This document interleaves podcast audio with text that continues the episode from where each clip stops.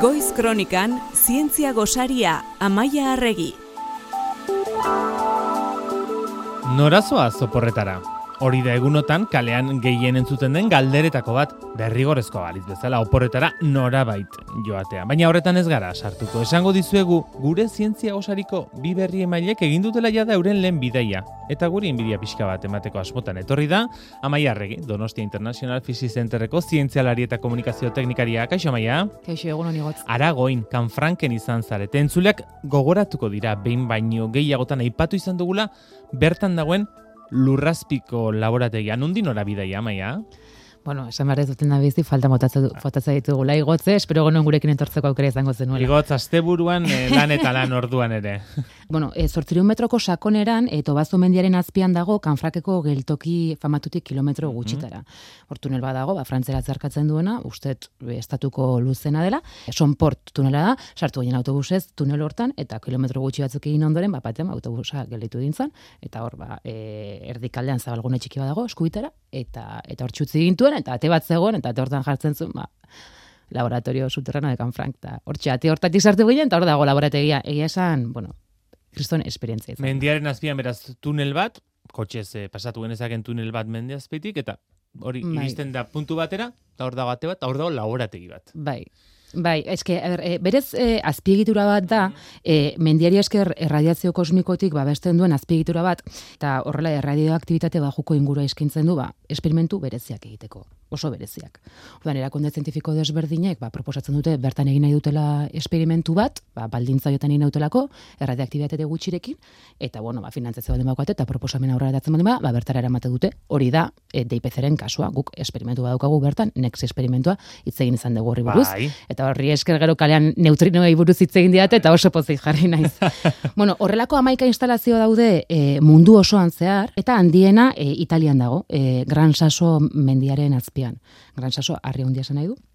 Eta, bueno, ba, erromatik e, oso gertu dago, apenit, apeninoetan. Zeren, klaro, gratzen da, bakigu, ba, jatzain dugu ja erradioaktibitateari buruz hemen. Gu erradioaktiboak gera, natura erradioaktiboa da, eta eta ordu. Muga bat suposatzen du e, gauza oso sutilak ikusen ditugunean. Alegia, seinale aulak bilatzeko leku egokia dela hau. Bai, hori da, kriston gide duki genuen e, laborategia esplikatzen, eta berak egin zuen analogia erabiliko ez, oso polita iruditu zitzaidan, berak esaten zuen, ba, egunez e, zerura behiratzen baldin badugu, ezinezkoa dela izarrak ikustea, ba, eguzkeren argiak saturatu egiten duelako zeru guztia baina gau ez ez dagoenean saturazio hori ikusi ikusi ditzakegu ba hori izango litzateke gure seinale sutile, ez? Mm -hmm. seinale sutilen bila gabiltza, bueno, zientzelaria bertan, e, baina erradioaktibitate naturalak ba, dena e, zarataz betetzen du eta erradioaktibitatea e, esaten dugunean sarri lotzen dugu zerbait kaltegarriarekin, baina ez du zertan kaltegarria izan aipatzen ari garen kopurutan, baina bai seinale hau loiek eh, jasoteko arazo bat. Hori da, saturatu egiten du sistema, e, eta estali egiten ditu guk ikusi nahi dugun seinale hau loiek, orain ikusiko dugu zein diren seinale hau. Gainera, alde batetik an, erradiaktitatearen historioa dago, eta gero beste alde batetik niri asko guguratu zitzaidan goza bat, eta, iruditu zaidana ba hori. Esperimentuak matriuska antzeko tanke batzuen barroan egite dituzte. Zergatik matriuska bat? Zergatik aipatzen nik, duzu matriuska ba, nik hori irudikatu nuen ere buruan, zeren kapa pila bat jartzen dizkote kanpotik, zeren alde batetik ba, asteko ja, mendiak e, erradioaktibitatea pila bat eteten du, ba, osea, portzentai oso oso altu bai, batean, bai, baina ala ere erradioaktibitatea egoten jarraitzen du, moiek zerkatzen gaituzte, eta abar, eta bertan, laborategian erabiltzen diren materialak ere erradioaktiboak dira. Noski.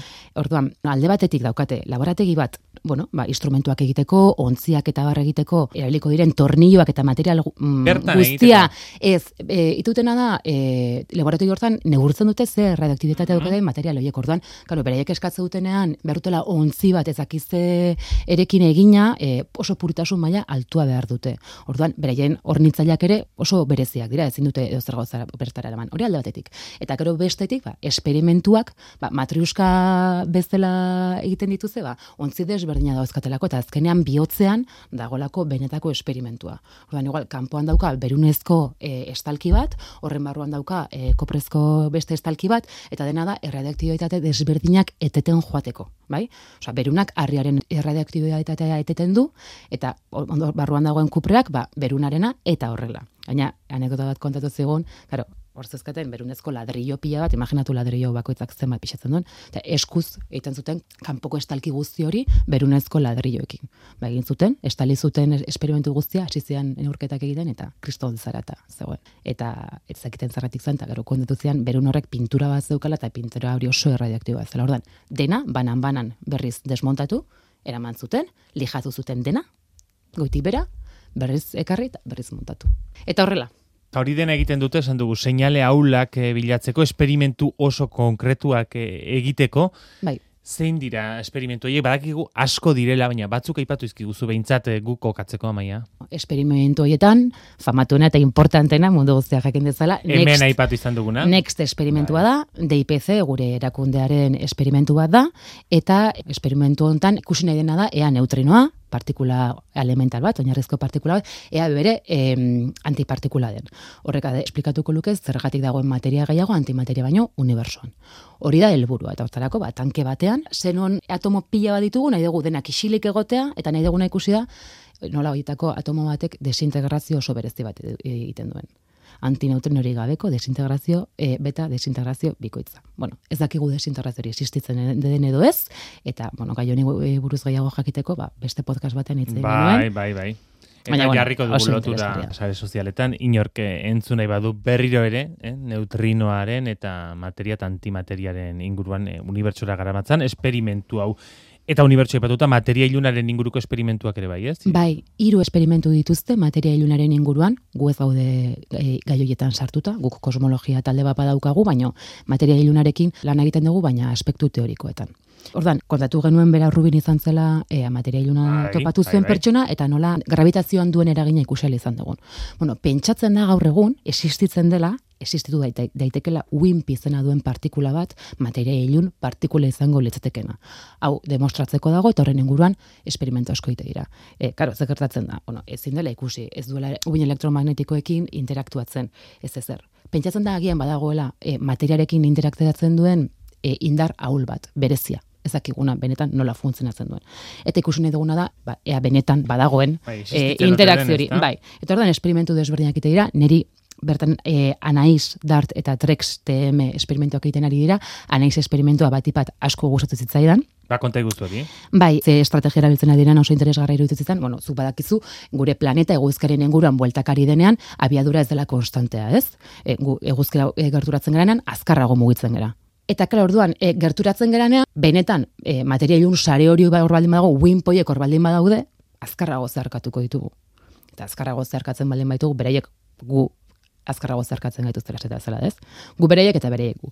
Eta Orduan, guk hori, detektatzeko gai baldin bagara, patroi bat ikusi izango genuke urte zurte errepikatzen dena. Perieliora gerturatzen geranean, ba, hor e, interakzio hori haunditzen dela, ez?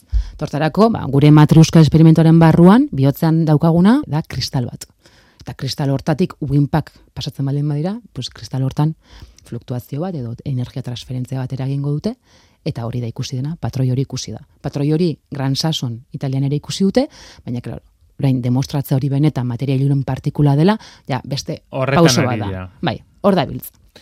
Ba, hori eta beste hainbat esperimentu esan bezala egiten eh, ari direnak Kan Franken eta entzuleren batek esango du lurrazpiko laborategi bat, horren eh, gauza berezia dena eta gida ere goraipatu duzunez, bisitatu aldeiteke, eh? E, ba, bai, bisitatu daiteke, urtean zer batez ere ikasle taldei irikitzen zaie, baina udaran partikularretzako, edo nork de, e, hartu dezake txanda, bisitan joateko. Baina, izugarrizko demanda dago, eta momentu hontan udarantarako ja, beteta dago. Hemen Euskal Herrian jende asko dauka Pirineetara furgonetarekin Bai. joateko e, ohitura, ba, oso ideia polita izan daiteke, mendigatigo ondoren, ba, gero laborategi ikustea joatea. Eta beste proposameni bai udara honetarako, ja Bai. gainean dugun udara honetarako, amaia? Bai, jaketa ezengo egun lurrazpiko laborategira jun, aurtengoan, ba, bueno, e, flixa hor daukagu, eta gaina oso, oso interesgarria den, e, e, geologiaren ikuspuntutik oso interesgarria den tokia, ekain berri ere bai. Hau biak urrutira joan gabe, eh? Bai, ni ekain berrira joan nintzenean gida zoragarri batek erakutsi zian, eta izugarri disfrutatu nuen.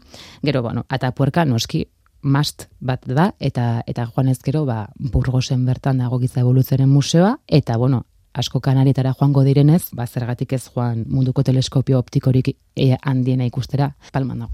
palman dagoen teleskopioa hori. Ba, hauek esan da, amaia agurtzen ariko dela pentsatuko duzu, baina ez esan nahi duena da, bereek azkeneko saio hau dela, baina aurrengo igandean, saio berezi bat egingo dugu, amaia eta idoia, biak elkartuko ditugu, beraien lanaz hitz egiteko. Beraz, eh, datorren igandera arte, amaia. Oso, ondo, mila eskerrigotz.